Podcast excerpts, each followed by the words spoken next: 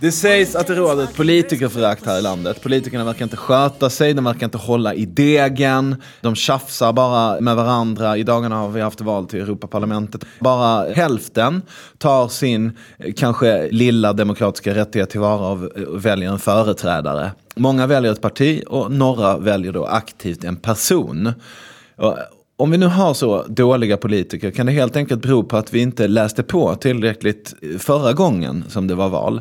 Kan det vara läge att vara lite självkritiska kanske? Är, är skolan för dålig? Ja, det kanske är väljarnas fel. Skatten för hög. Väljarnas fel. Är försvaret för ineffektivt? Ja, det är väl väljarnas fel. Att prata om väljarförakt kanske är att ta i, men faktum kvarstår. Vi får precis de politiska företrädare som vi förtjänar. Oavsett politisk hemvist så finns det bättre och sämre element. Vissa politiker jobbar hårt och smart.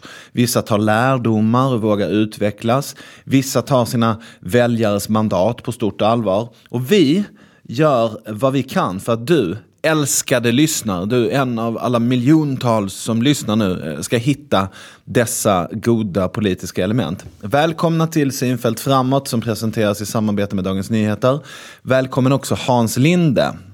Tack så mycket. Ja, välkommen. Hur är det med dig? Det är bara bra faktiskt. Är du, är du en av önskepolitikerna som vi letar efter? Tar du ditt uppdrag på stort allvar och jobbar hårt och håller i kosingen och allt sånt? Ja, jag kan i alla fall garantera att jag jobbar hårt. Det, det är något som är mätbart i alla fall. Det kan jag garantera. Att det, det är inte... Ibland får man frågan om, om att vara riksdagsledamot är ett heltidsuppdrag. Då brukar jag svara att det är två, minst. Minst två uppdrag. Ja. Tobias, hej. hej. Det känns alltid konstigt att säga välkommen till dig eftersom vi är ju hos dig. Ja, det är du som är välkommen. Tack så hemskt mycket. Ja. Jag vill passa på innan vi glömmer det och tacka Johan Jönsson så hemskt mycket som är vår researcher som helt utan att få några pengar jobbar hårt för att få oss att framstå som mer bildade än vad vi är. Precis. Vi är ju high school dropouts och han är smart. Ja, och välutbildad. Och eh, så när vi framstår som pålästa smarta, då är det alltså Johan Jönssons förtjänst. När vi framstår som dumma och opålästa, då är det vårt eget fel. Japp, precis mm. så. Vi ska börja med att göra en liten snabbkoll. Jag ställer några frågor och jag tänker att du ska svara ganska kort. Okej. Okay. Bör vi delta i NATO-insatser? Ja, I enskilda fall. Min grundinställning är att, att det är i grunden bättre att FN leder insatser. Men det finns lägen när inte FN klarar det. Då kan vi tänka oss att säga ja även till NATO-insatser. Vi har haft en insats i Kosovo till exempel. Den sa vi ja till. Ja. Bör vi höja biståndet? Ja, det behöver vi. I synnerhet skulle vi behöva öka de biståndssatsningar som går till, till klimatinsatser. För det är liksom en, en enormt snabbt växande utmaning i många utvecklingsländer. Ja. Bör vi skicka bistånd till Uganda? Ja, det behöver vi göra för det finns ett, i synnerhet ett civilsamhälle i Uganda som behöver ett, ett stort stöd nu från omvärlden. Däremot så tror jag att man ska verkligen fundera på hur klokt det är att ha satsningar via den ugandiska regeringen. Ja. Du förstår varför jag ställer just den frågan, antar jag? Absolut. Kan du berätta för lyssnarna varför du tror det? Det handlar ju om att i Uganda har man infört en lagstiftning där man har infört väldigt långa fängelsestraff för om du har en samkönad sexuell relation. Eh, det som är en tydlig liksom, här, lagstiftning som kränker de mänskliga rättigheterna i Uganda. Eh, och det skapar såklart frågetecken. Ska vi kunna ha ett samarbete med regering som faktiskt fängslar människor bara för att de har blivit kära? Ja, det låter inte så modernt om du frågar mig. Nej, det, det låter ganska omodernt. Bör vi sänka vår levnadsstandard för andra länders skull? Jag tror att det finns en del i Sverige som skulle behöva sänka sin levnadsstandard för att man använder ett alldeles för stort miljöutrymme. Men det ser ganska olika ut. Jag har svårt att åka ut liksom till Bergsjön hemma i Göteborg och säga till en ensamstående mamma med tre kids som är deltidssjukskriven att du ska sänka din standard. Däremot tror jag att människor som har flera bilar, flera hus, åker på flera utlandssemestrar varje år. De behöver nog fundera på sin levnadsstandard om vi ska klara klimatet och miljön. Men nu går vi in på djupet helt mm. plötsligt. Men eh, för att vi ska leva klimathållbart mm. så ska vi klara oss på ett ton koldioxid mm. per person och år. Mm. Och nu ligger vi på tre och en halv. Det borde väl betyda att vi alla lever över våra tillgångar just i ur miljösynpunkt. Alltså det ser ganska olika ut. Vi använder väldigt olika miljöutrymme. Eh, dels det är stor skillnad mellan män och kvinnor. Män använder ett mycket större miljöutrymme än kvinnor gör. Därför att vi åker mer bil, vi åker mer flyg, vi äter mer kött än vad kvinnor gör. Allt Men det där min, är stora klimatproblem. Min tes är att ingen lever hållbart i Sverige. Nej, jag tror att allas liv kommer behöva förändras och påverkas. Men framför allt borgarnas. ja. Nej, men framförallt, de som skitar ner mer måste ju också klart göra större förändringar. Ja. Men för den där, de som bor i förorten, den där personen jag pratar om, där kanske det snarare handlar om att man behöver klimatanpassa hennes lägenhet. För det är det som är det stora klimatproblemet i hennes liv. Man behöver se till att det finns bra utbyggd kollektivtrafik. Det är kanske det som är hennes liksom, stora klimatpåverkan som vi behöver göra insatser för. Ja, det var inte med att vi skulle fördjupa miljö egentligen, men eh, vi hoppar vidare här. Bör vi ha fri invandring? Nej, jag tror att vi behöver ha en reglerad invandring i alla fall idag. Ja. Är det bra med frihandel? Vid vissa tillfällen ja, det beror på vad handeln leder till. Ja, köpta och sålda grejer? Ja, men alltså, handel kan också leda till mer av utbyte, mer av ekonomiskt välstånd, mer av rättvisa. Det är självklart positivt. Men det finns också exempel på när man avreglerar handel och det leder till att eh, fattiga länder blir ännu fattigare, att industri slås ut, att människor förlorar jobbet. Då, då har jag lite svårare att se att, att frihandeln i alla lägen skulle vara så positiv. För mig är det ett medel, inte ett mål i sig. Ja. Har vi en tvåstatslösning i Mellanöstern inom 20 år? Jag hoppas verkligen det. Jag hoppas verkligen det, men jag tror tyvärr att eh, ja, det är svårt att vara optimist när det gäller Mellanöstern. Ja. Har vi nationalstater om 50 år? Ja, det tror jag. Mm. Det är jag ganska övertygad om, därför att eh, jag tror för de allra flesta människor fortfarande så, så är den nationella identiteten viktig. Och den kommer nog inte liksom fasas ut eller försvinna på 50 år. Och jag tror fortfarande att, att nationalstaten är en ganska det är, det är den, i alla fall den mest demokratiska arenan vi har kunnat bygga upp. Om man ska ha ett beslutsfattande som är effektivt men fortfarande ganska nära medborgarna. Ja, All right, då är snabbkollen klar. Då ska Kristoffer gå lite på djupet. Om vi bara kan prata lite om vem du är. Var är du uppvuxen till exempel? Jag är uppvuxen på en grisgård som heter Grönjung som ligger mellan två samhällen med Bara och Klågrupp utanför Malmö. Det är en mm. kommun som heter Svedala. Mm, just det, man cyklade, jag är ju från Malmö, jag cyklade ut till Bokskogen. Ja. Som där brukar jag gå ut med mina föräldrars hund när jag är hemma. Ja, Okej, okay. mm. Klågerup. Vad var det som gjorde att du blev politiker? Vad var det första? Egentligen är jag nog den, den mest osannolika vänsterpartisten. Alltså jag kommer från en släkt av idel grisbönder. Eh, I Klågerup röstar man inte på Vänsterpartiet. Tyvärr fortfarande är det väldigt få som röstar på Vänsterpartiet. Däremot när jag eh, var 15 så flyttade jag ner till Trelleborg och flyttade hemifrån för jag började gymnasiet. Och mm. det var då en stad där nationalsocialistisk front hade varit ett väldigt starkt fäste. Mm. Och min bästa kompis Martin, han var från Colombia, jag hade precis kommit ut som bög. Vi blev ganska tydligt måltavlor för de där nazisterna eh, väldigt snabbt. Och för mig var det liksom det politiska engagemanget var en, liksom en nödvändighet. Jag insåg att ska jag liksom förändra min stad, ska jag kunna gå ut på gatorna, så behöver jag engagera mig politiskt tillsammans med andra. Var det självklart att det var Vänsterpartiet som var ditt parti? Nej, egentligen inte. Det är ingen i min familj som har eh, liksom haft vänsterbakgrund. Båda mina föräldrar är fortfarande med i Centern, även om de är djupt missnöjda centerpartister kan jag säga.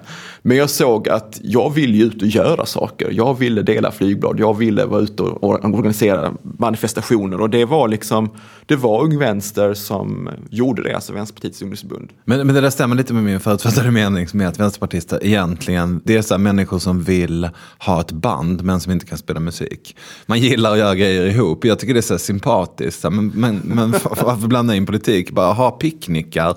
Förstår du vad jag menar? Alltså det finns ja. någon så romantisk bild av att göra grejer ihop.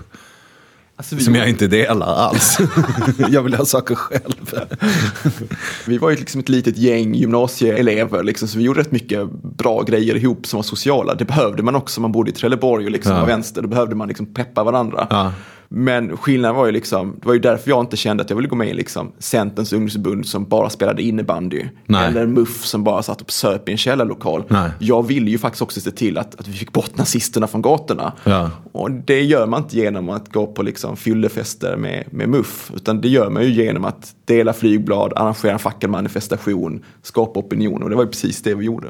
Mm bland de där bevekelsegrunderna så hittar man ju liksom en ung människas önskan om att få vara med i ett sammanhang. Och man söker väl konflikter också när man är i den där åldern. Gör man inte det? Jag gjorde det i alla fall. Man letade ju upp orättvisor. Så man hade något att hetsa upp sig över. Och när man växer upp och blir vuxen, liksom, kan man tänka sig att man tänker så här, fan vad synd att jag gick med just det där partiet. Nu måste jag ju stanna kvar här, jag kan inte gärna byta nu här mitt i livet. Det blir konstigt. Hade några riktiga ungdomsrevolter. Alltså jag blev ju vegetarian till exempel samtidigt Ja. med föräldrar som var grisbönder. Ja. Jag, jag skaffade, det var en ganska stor ungdomsrevolt. Ja. Jag skaffade dreads som jag hade ett tag. Det där kunde jag ganska snabbt inse att det var dreads som var, de rök först. Det var en dålig idé. Vegetarian var jag fyra, fem år. Det var, kunde man efter tid se så här, nej men det, det var en fas i mitt liv, nu går jag in i en annan fas.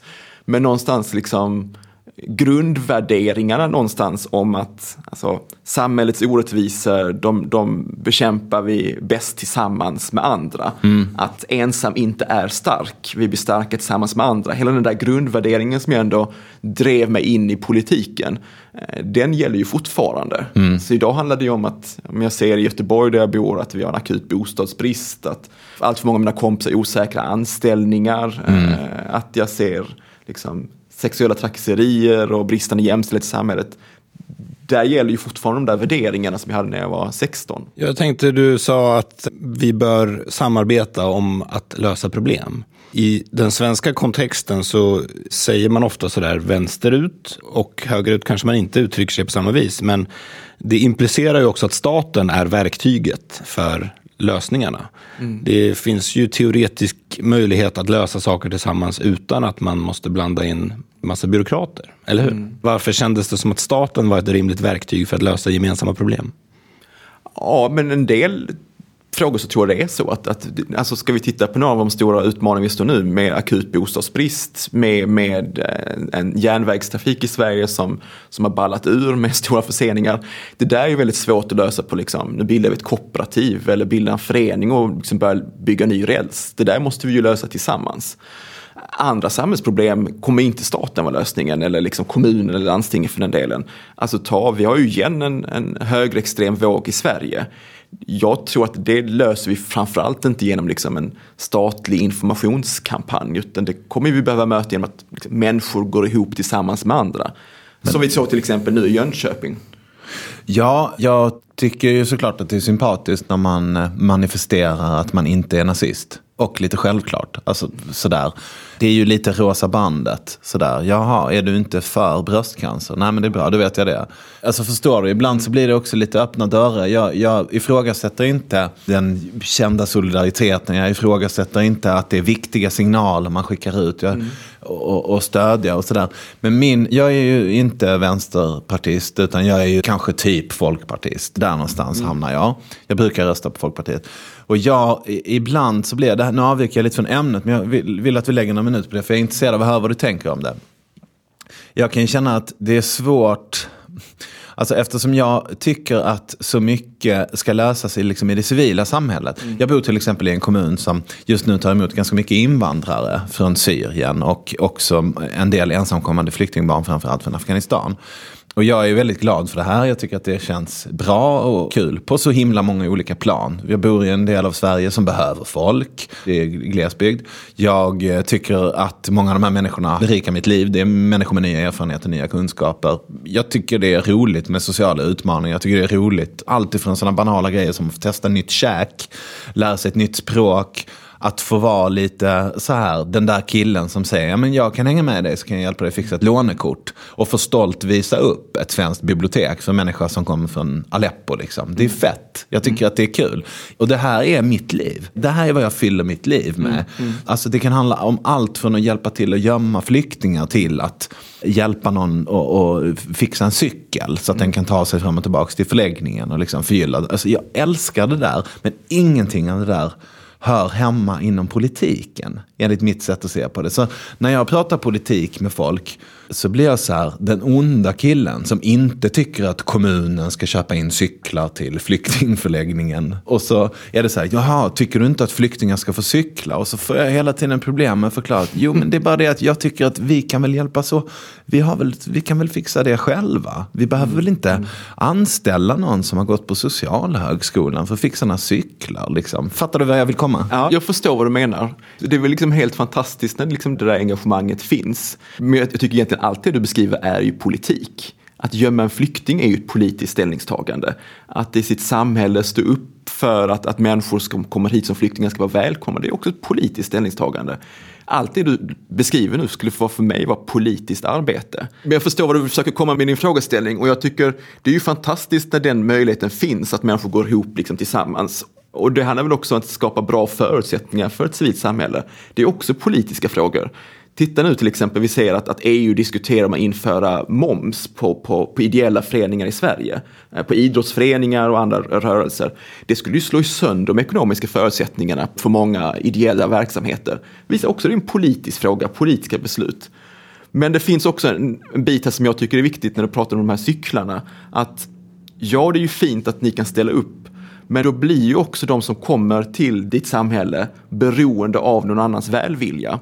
Och där börjar jag också ibland känna att blir jag lite orolig. Det är fint med engagemanget, men det får inte bli så att, att liksom grundläggande grejer i livet som man behöver ska hänvisas till att någon annan är snäll mot dig. Det finns ju en vänsterkritik som går ut på att om staten tar stor plats så tränger det undan det egna civilkuraget. Och om man har en kommun som köper cyklar, ja då kanske det pacificerar Sunderborna och så sitter de och kollar på Netflix istället. Jag tror att du har helt rätt i det. Och jag tänker ju att det handlar ju om att när människor kommer, om man tar min polare Diab Kiki till exempel, som verkligen låg och frös i Medelhavet utanför Lampedusa innan han kom hit. Han kom hit i sandaler och kalsingar. Det är klart som fan att han behöver att vi ger honom kläder, att vi ger honom mat och så. Mm. I några veckor. Det är ju fas ett. Hjälpfasen är ju fas ett. Mm. Sen så får man ju såklart börja betrakta de här människorna som samhällsmedborgare. Då är de ju allt möjligt från konsumenter till medborgare till, och som jag förväntar mig ska hjälpa andra människor. Alltså, det här är ju integration i praktiken, mm. tänker jag. Och det är såklart att man inte kan ha det där hjälparperspektivet nå länge. Men det är ju relevant i början, när en människa kommer från en katastrof. Det tror jag ju. Ja. Men jag, den där motsättningen ni vill måla upp, jag ser inte riktigt den. Jag tror snarare att det är liksom kompletterande till varandra och att det är liksom också kommunicerande kärl oftast. Mm. Men det är viktigt, för ibland kan jag känna att politiken gärna backar för man tänker så här, men det är för dyrt med de här cyklarna eller det är för, för dyrt att arrangera en skolutflykt eller det här har vi inte råd med. Så liksom lämpar man över det lite liksom till eh, frivilligorganisationer och liksom till välgörenhetsorganisationer. Vi ser ju mycket av till exempel stöttningen till, till hemlösa i Sverige överlämnat helt till ideella så kan liksom, liksom politiken backa och två sina händer. Det där gör mig väldigt oroad. Men jag tänker så här, att liksom, djuret människa som verkar trivas i grupp, mm man löser sina egna problem. Så här, jag plockar mina bär och mina svampar och vi skyddar vårt träd eller vad vi så här. Och så går man från det till, man hittar samordningsvinster. Att men vänta om vi går ihop och hyr in en lärarinna så kan vi plocka bär hela dagen och så kan tanten lära ungarna att läsa. Då kan hon specialisera sig på, på det. det. det. är liksom, min grundsyn är att, att vi går ihop om olika grejer när det är effektivt. Inte att det normaltillståndet är att man går ihop om allting. Är det där skillnaden mellan dig och mig är? Att din grundsyn är att allting egentligen är kollektivt. Och så blir du arg på folk som vill avskaffa kollektiva lösningar. Nej, verkligen inte. Alltså jag, jag tillhör ju de som tycker att egentligen ordet frihet är ett vänsterbegrepp. Jag har väldigt svårt att förstå när, när liberaler använder begreppet frihet. Okay. För, för mig handlar frihet om att inte bara formella rättigheter utan också ha möjligheter. Alltså, ska jag ha friheten att uttrycka mitt liv och följa mina drömmar, då behöver jag inte bara rättigheterna på pappret. Då måste jag också ha några grundläggande liksom, social trygghet i samhället. Då måste det finnas en bostadspolitik, då måste det finnas en arbetsmarknadspolitik som gör att liksom, jag kan få ett arbete. Det måste finnas en möjlighet för mig att plugga på högskolan om jag vill det. För att skapa förutsättningar för att leva ut friheten.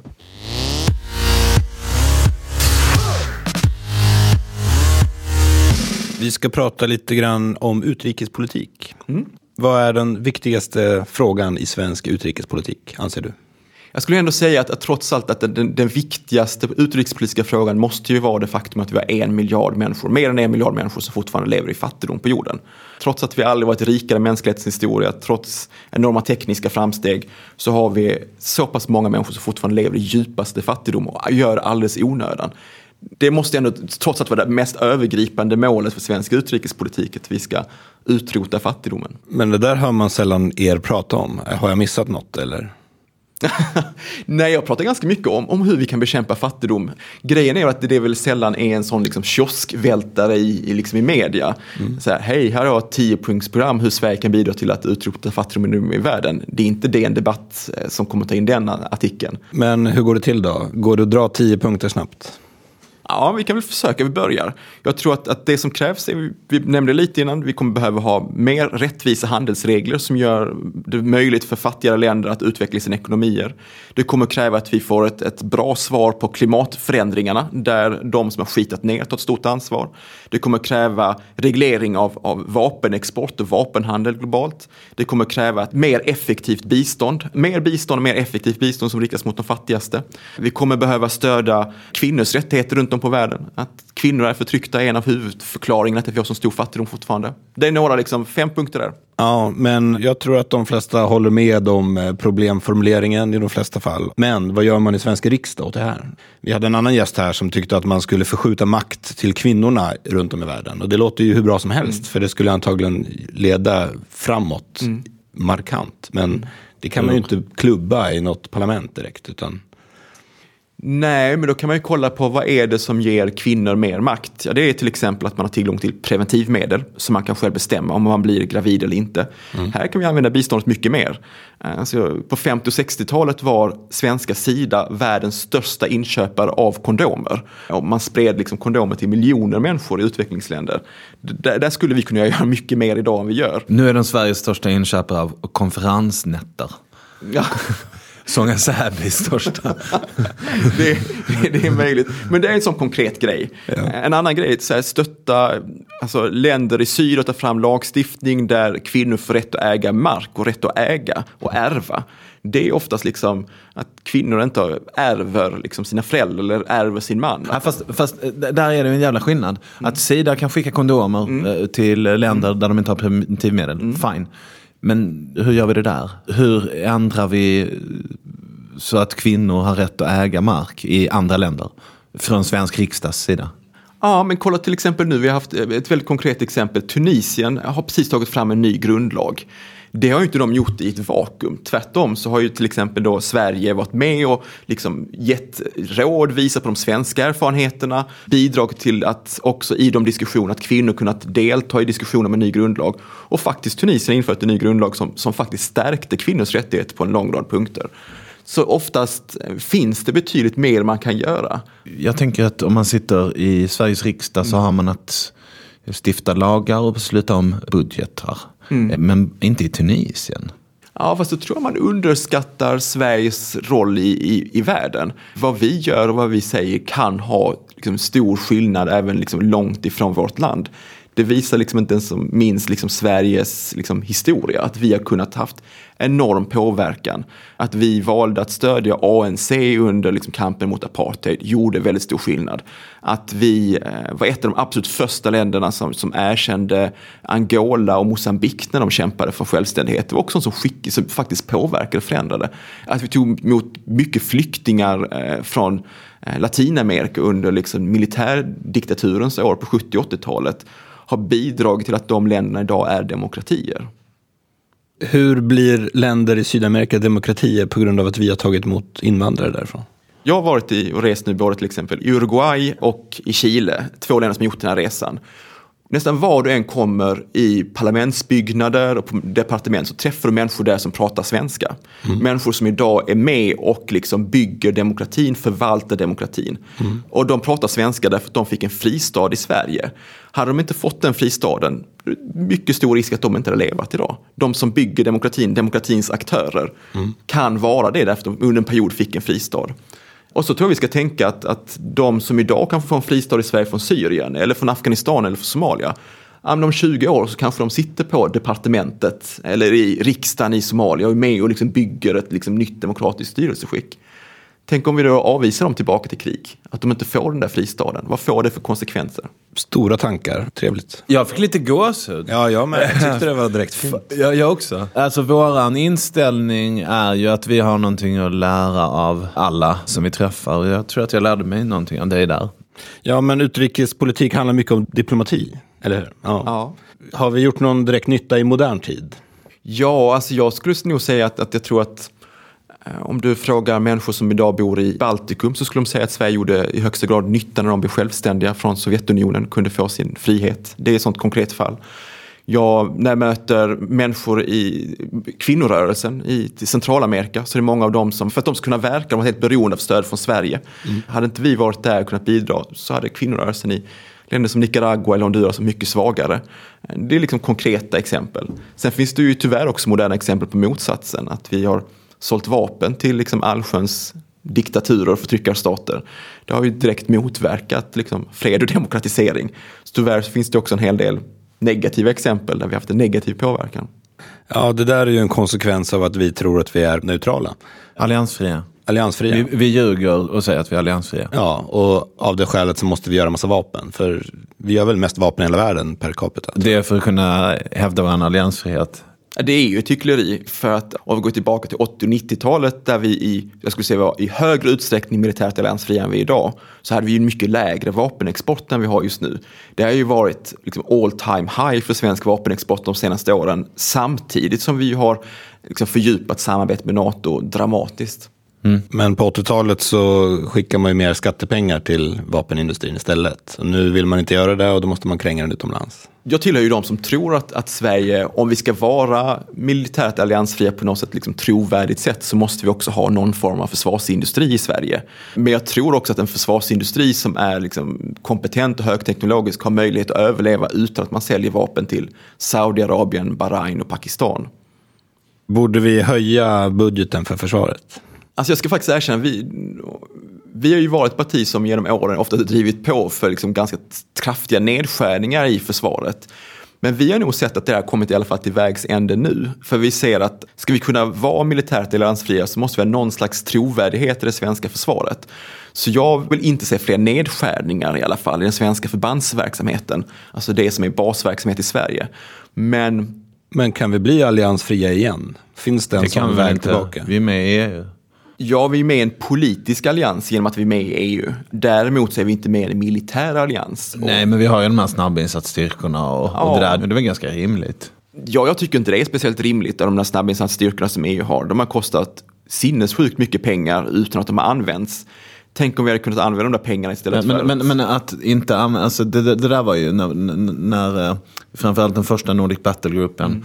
Var på tapeten. Då pratades det mycket om så här, här har man tränat eh, trupp så in i helvete och de har varit beredda och så har vi inte använt dem. Nej, men, det var ju det som var deras jobb, att stå i beredskap. Mm. Det är ju det som är grejen. Det är ju det som är hela felet med synen på försvarspolitiken. Det är att man säger, vi behöver inte de här grejerna. Det är ju som att plocka ner brandvarnaren för att inte det brinner. Vi behöver de grejerna för att de ska stå där och vara beredda. Mm. Det är mm. vår trygghet. Och om de slipper slå ihjäl folk så är det ju bara toppen. Ja, fast vi kan samtidigt se att under de här åren har vi ju haft en, liksom en ganska lång rad internationella kriser som man inte gått in från EUs sida och hanterat, utan då har man ju istället liksom gjort andra typer av insatser. Vi ser nu liksom katastrofen i Centralafrikanska republiken. Det blir ju inte en battlegroup som skickas ner där, utan det är på väg mot att bli en FN-ledd insats. Och då kanske vi fundera på, eh, jag vet att i Sverige idag så uppfattas man som lite så här gammeldags och lite töntig, man pratar om FN.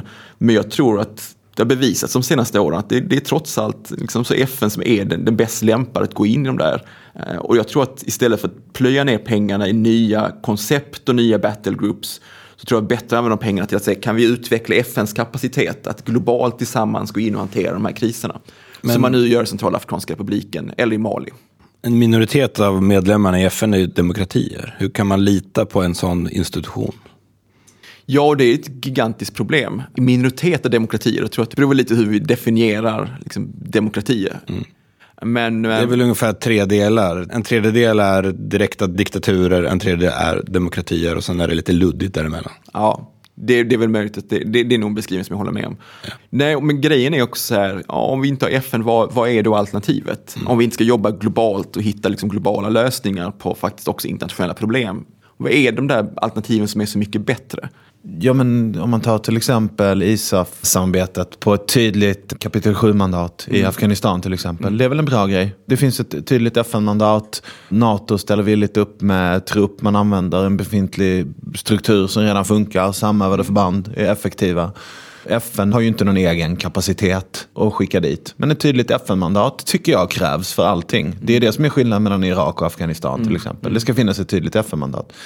Men eh, är det så känsligt om det är någon annan utförare? Måste de ha blåa hjälmar för att det ska räknas? Kan de inte göra en rätt nyttig insats ändå? Liksom? Jo, alltså, vi har ju också sagt ja till deltagande i insatser som EU har genomfört och NATO har genomfört när vi har känt att här finns det inga andra alternativ. Afghanistan tycker jag just visar på problemen när det är andra aktörer som utför det. Jag tror att trots allt vi konstaterat nu, nu har vi haft en ISAF-insats i snart 13 år i Afghanistan som haft huvudsyfte att skapa säkerhet i Afghanistan.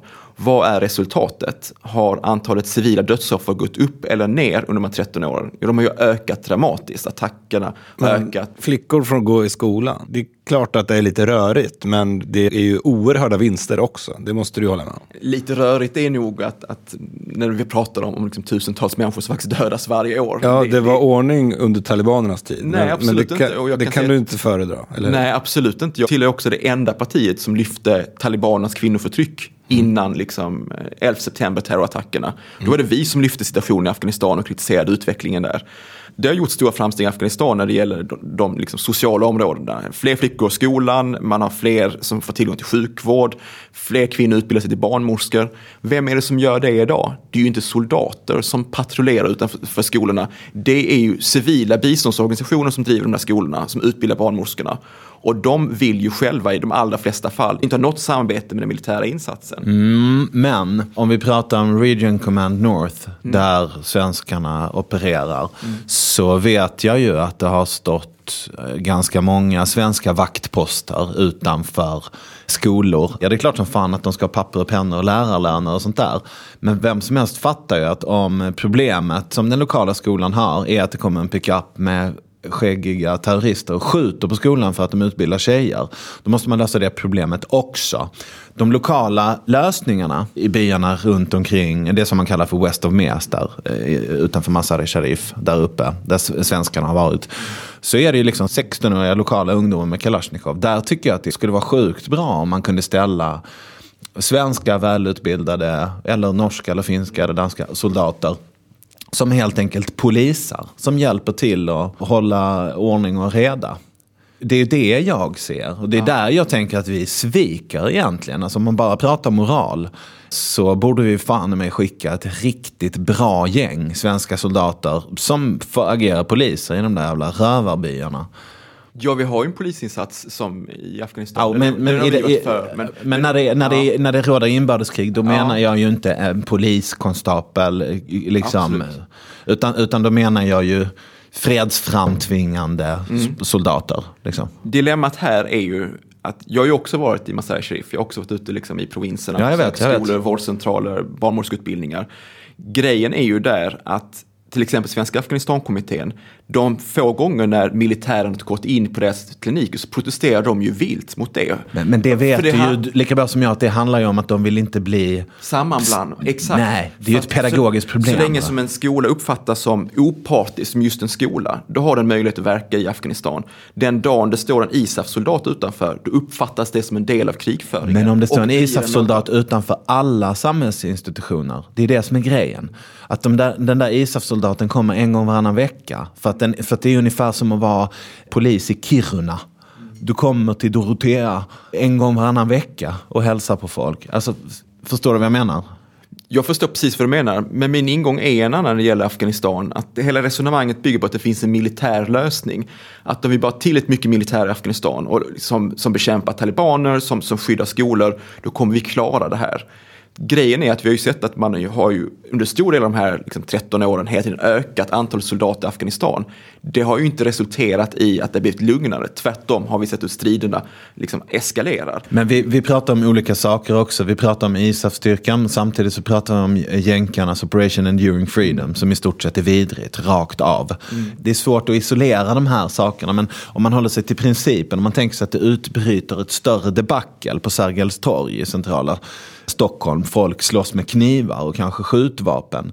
Eh, ska vi då skicka fram piketstyrkan och tvinga isär de här människorna så de slutar ha ihjäl varandra? Eller ska vi kasta papper och pennor på dem? Vilket tror du hjälper mest? Vilket tror du behövs? Jag tror att om, om folk börjar slåss här borta eller kolla på gängproblematiken i Stockholm, liksom, det viktigaste väl där, det som hjälper mest är att fundera på varför har vi en gängproblematik? Vad är det som har skapat det? Ska vi stå och skrika det till dem när de håller på att slå ihjäl varandra? Nej, men det handlar Det här bottnar i rädsla och okunskap. Det här är ett klassproblem egentligen, vet ni Nej, det? men det Vi måste ju, måste ju jobba- skicka dit Norrmalmspiketen.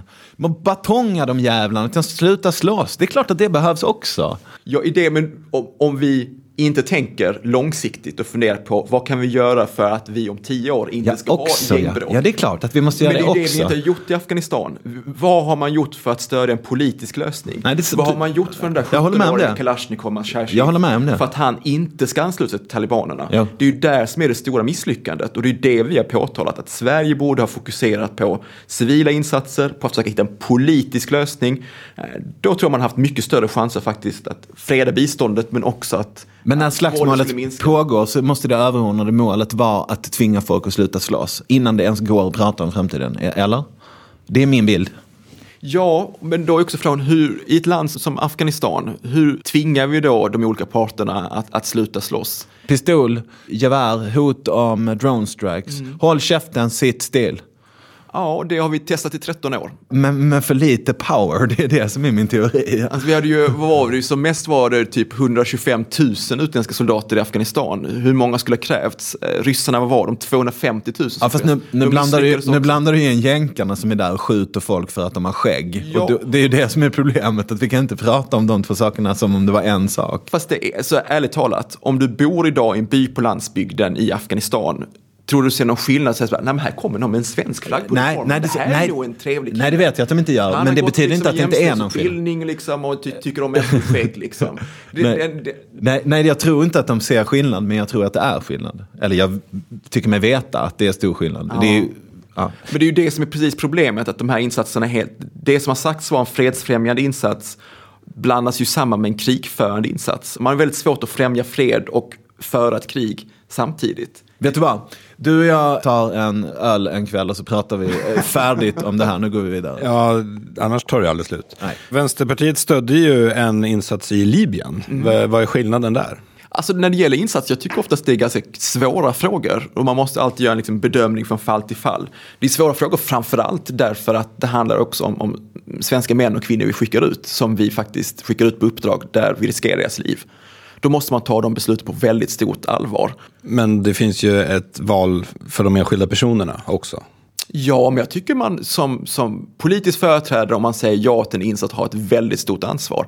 Jag tycker också det är ett ansvar som Sverige inte har tagit. Vi har liksom många gånger haft killar och tjejer som har kommit hem som de här internationella insatserna som inte har fått alls den hjälp och stöttning som de borde ha. Vi har haft en veteranpolitik som har varit under all kritik i Sverige. Men så Libyen, det var i, i grunden en annan typ av problematik. Det var en typ av, helt annan typ av insats. Men det var inte lätt, ska jag säga när det gäller Libyen. Vi hade ganska mycket diskussioner om det, men vi landade till slut i det akuta läget att säga ja. Var det inte att vi skickade dit någon flygplan som flög runt lite över Medelhavet bara också och inte gjorde någonting? Var det så farligt? Det var väldigt halvdant kan man väl säga. Det Sverige gjorde var ju att, att patrullera luftrummet för att förhindra att det libyska flygvapnet skulle kunna skjuta mot sin egen befolkning. Uppfattat. Men eh, låt mig formulera detta dilemma för dig. Du stödde en insats i Libyen när folket började resa sig mot den här tokfransen som var klädd i gardiner. Typ.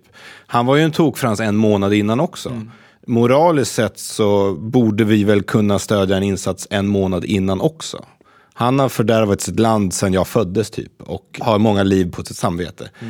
Om vi nu var så bra på utrikespolitik på 80-talet, då kanske vi borde invadera dem på 80-talet och säga du, du får göra något annat.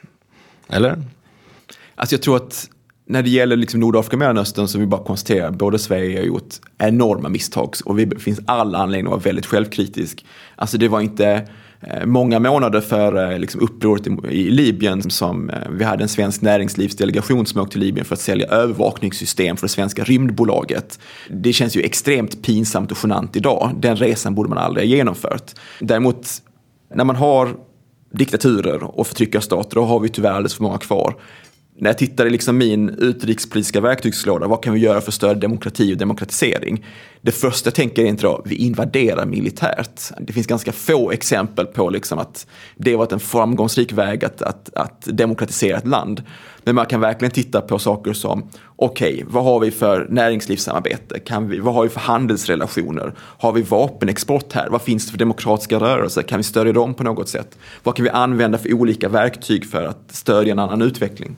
Ja, men om vi ska prata historia då så var ju Gaddafis parti med i Socialistiska internationalen. Mm. Borde inte han fått sparken där 20 år innan?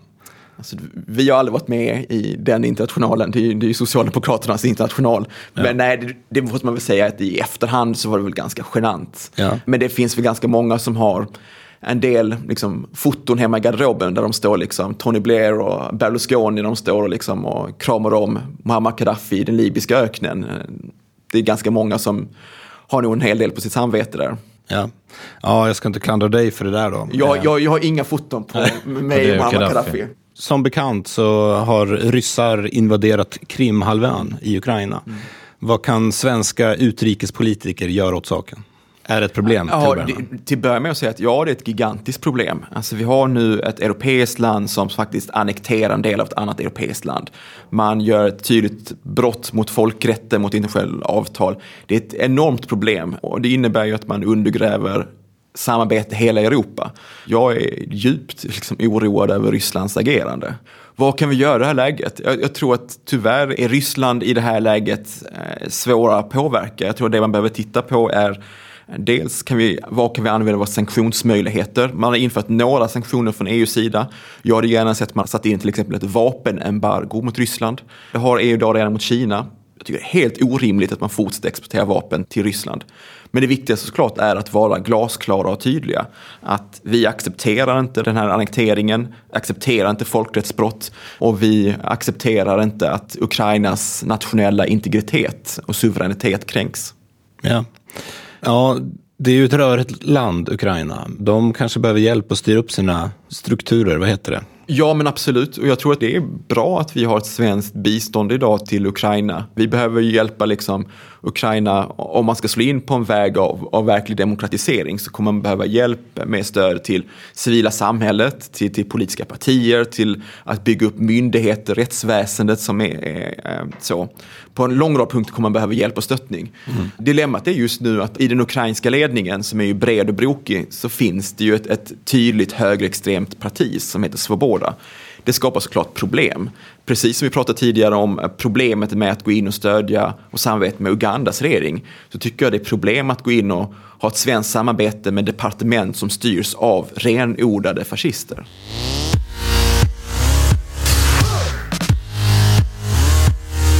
Vad tycker du är viktigast för att vara en bra politiker? Är det dina värderingar eller din kunskap? Jag skulle nog säga mina värderingar trots allt. Bra, då tar vi tempen på dem lite. okay. Kan det vara okej okay att sälja sex?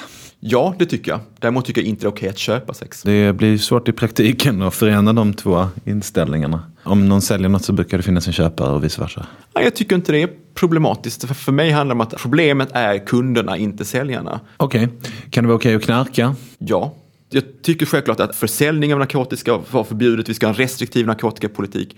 Problemet Men det är, är inte moraliskt fel att vara missbrukare? Nej, och det är det som är problemet idag i Sverige. Att vi också har ett kriminaliserat av bruket. Vilket jag tror att det gör det svårare för människor som har ett missbruksproblem att, att söka hjälp. Att man straffar fel personer. Ah, okay. Kan det ibland vara rätt att döda en för att rädda tio? Nej. Aldrig? Alltså jag är inte pacifist. Jag, jag tror att man har rätt till självförsvar. Men vi pratar inte egentligen om det, utan vi pratar om konsekvensetik. Skulle det kunna vara rätt att döda en person som bara har en vecka kvar att leva om man med hens organ skulle kunna rädda tio söta barn? Nej, det tror jag inte. Rätten till liv är en grundläggande mänsklig rättighet. Även för liksom, de vidrigaste människorna. Även för de människor som är dödssjuka men som har liksom, organ som kan bidra till andra. Ah, ja, Då behöver okay. vi tumma på de mänskliga rättigheterna. Det ah, okay. är alltid livsfarligt. Aha, ah. Jo, det känns bekant nu när du säger det. Kan det vara rätt att gå in militärt i ett land som man vet har kemiska vapen och eh, de tänker använda de där kemiska vapnen på sin egen befolkning? Ja, det, det kan det definitivt vara. Bra, då har vi en lista på Ja, länder det- jag tycker vi ska invadera. Det finns ett FN-mandat, det finns massa andra liksom, saker, som, förutsättningar som måste vara på plats. Jaha. Men det är inte uteslutet tycker jag. Okej, kan man ha rätt att sno grejer om man är hungrig? Nej, vi har en lagstiftning i Sverige som förbjuder liksom, snatteri och förbjuder stöld. Alltså, Mm. Jag måste ju ändå stå upp för den lagstiftningen. Även om man på ett personligt moraliskt plan kan ha förståelse för en fattig, hungrig människa som knycker något för att äta. Mm. Är det okej att tigga? Är det moraliskt okej att tigga? Ja, det tycker jag. Mm. Men jag Eh. tycker det är för jävligt att vi har ett samhälle som har tiggare. Mm. Men kan det vara moraliskt okej att liksom skita i tiggare och säga nej men jag vill inte stoppa pengar i deras burk? Så det måste ju ändå vara upp till var och en att göra det valet. Ja, okej. Man kan ändå tycka att det är moraliskt förkastligt. Ja, men jag, jag ger pengar ibland. Det är mitt val liksom. Det ligger inte riktigt för mig att moralisera över andras val. Jag fokuserar på vad jag själv gör. Okej. Mina egna värderingar. Kan det vara okej, rent moraliskt då, att tortera en terrorist om det kan rädda livet på oskyldiga människor? Nej. Aldrig tortera? Nej. Mhm. Kan det vara okej att dubbla priset på gummistövlar när det är översvämning? Nu ur ett strikt vinstintresse så är det ju fullt begripligt. Men jag, jag har stora moraliska betänkligheter när det kommer till girighet. Nej, men det är inte girighet, det är att vara ansvarstagande mot den juridiska person som man samarbetar med. Jag känner en viss, jag driver ett aktiebolag och jag, jag känner stark solidaritet med det organisationsnumret och vad det står för. Det har ett eget värde att det fortsätter leva, det ger lön åt flera människor och sådär. Ja, men ibland så vinstmaximeringen leder till väldigt stora moraliska problem. Om du ger ungarna på förskolan vatten och knäckebröd till lunch för att du själv ska göra vinst, då tycker jag då har du, befinner du dig i en väldigt moraliskt komplicerad situation om man ska vara diplomatisk. Men kan man tänka sig att eh, gummistövlarna tar slut väldigt fort eh, om man inte höjer priset? Så, det betyder att de som verkligen behövde gummistövlarna fick inga alls? Fast om det är en översvämning så låter det som att det finns ett oändligt behov av gummistövlar. Om det gäller medicin då, om det bryter ut en eh, epidemi, är det okej att ta tillfället i akt och höja priset på sin medicin lite då? Eller är det girighet? Ja, jag skulle kalla det girighet. Dessutom skulle jag nog säga att, att eller rätten till hälsa är också så grundläggande mänskliga rättigheter. Ja men det är ju inte Pharmacia Upjohn som ska försvara det. Då får man väl ge dem skattepengar och säga dela ut medicin. Ja, men då får man väl se till att liksom man har liksom en samhällsordning. Antingen att, att, att staten går in och köper in billiga mediciner och fördelar dem till ett rimligt pris till alla. Eller att man liksom skapar möjligheter för andra företag att göra billigare kopior och sprida dem.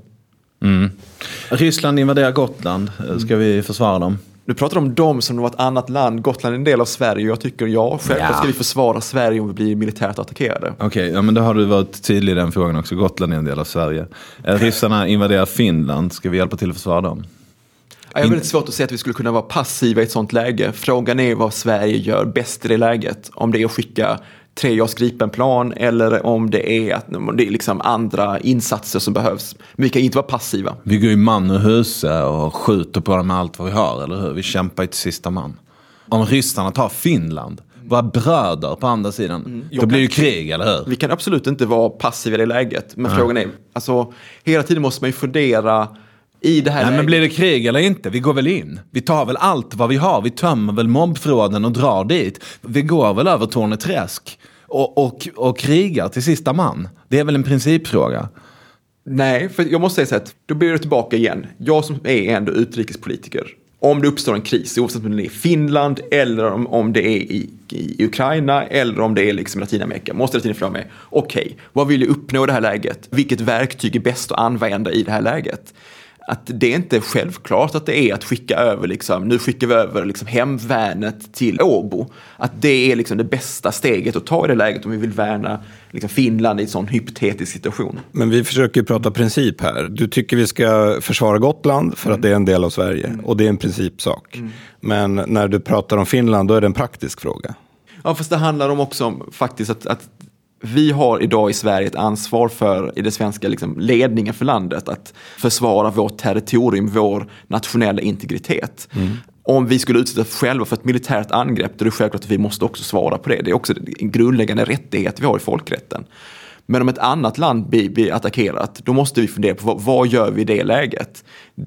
Det, jag tycker det skulle vara självklart för Finland att försvara sig militärt. Det svenska svaret måste ju bero på det läget och omständigheterna. Fair enough. Då ska vi göra ett kunskapstest också. Afghanistan är det land som Sverige ger mest bistånd. Du får svara sant eller falskt. Sant. Det är inte sant, men det är nästan sant. Mosambik får 870 miljoner och Afghanistan får 761. Då är det nästa år Afghanistan går om. Ja, möjligt. 25 länder runt om i världen har större andel kvinnor i sina parlament än Sverige. Nej, det är falskt. Har du någon känsla? Är det fler eller färre? Det är färre, men de är några stycken som har fler kvinnor. Det beror också på hur du definierar ett parlament. Eh, Kubas parlament har fler kvinnor än Sveriges. Det skulle jag inte säga är ett demokratiskt parlament. Nej, det kanske man kan tycka. Det är eh, tre länder före Sverige. Det är Rwanda, Andorra och Kuba. Om man räknar som ett parlament. Då. 760 000 barn dör av diarré varje år. Det låter lite. Jag tror att det är fler. Ja, den här uppgiften gäller barn under fem år och då är det sant. Om man bortser dödsfall på grund av ålderdom så dör 5% av aids. Alltså dödsfallen i aids minskar ju dramatiskt just nu därför att fler och fler får bromsmediciner, även i liksom Afrika. Jag säger nog ja ändå. Ja, det är sant. Mm. Om man bortser från dödsfall på grund av ålderdom, av de som ändå dör är 5% på grund av krig. Jag, jag svarar nog ja på den. Det är falskt. Det är ja. bara 0,3 procent. Ja. Det där varierar ju lite år från år mm. dessutom. Men eh, det är markant mindre i alla fall. Mm. Det dör två kvinnor varje timma i världen på grund av osäkra aborter. Nej, de är fler. Ja, det är fler. Fem per timme. Enligt den tillgängliga statistik som finns. Det där är ju svårt att räkna på. Sverige lägger mer på bistånd än på försvar. Ja. Det stämmer och eh, det är inte så stor skillnad dock. 42 miljarder till försvaret och 38 till bistånd. Ja, godkänt va? Ja, med beröm.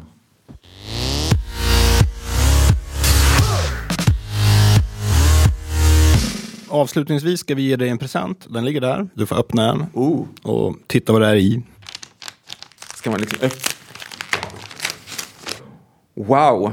Det var väldigt snygg bild på mig själv i mitt skägg. Och det är också en karta på Afghanistan. Och en stor patinål. Mm, visst är den fin? Per Demervall har gjort den där. Väldigt tjusig. Då återstår bara att tacka för idag. Stort tack för att du ja, Tack så mycket för din tid. Tack så mycket själv för att jag fick vara med. I'm wanna dance like an earthquake was shaking me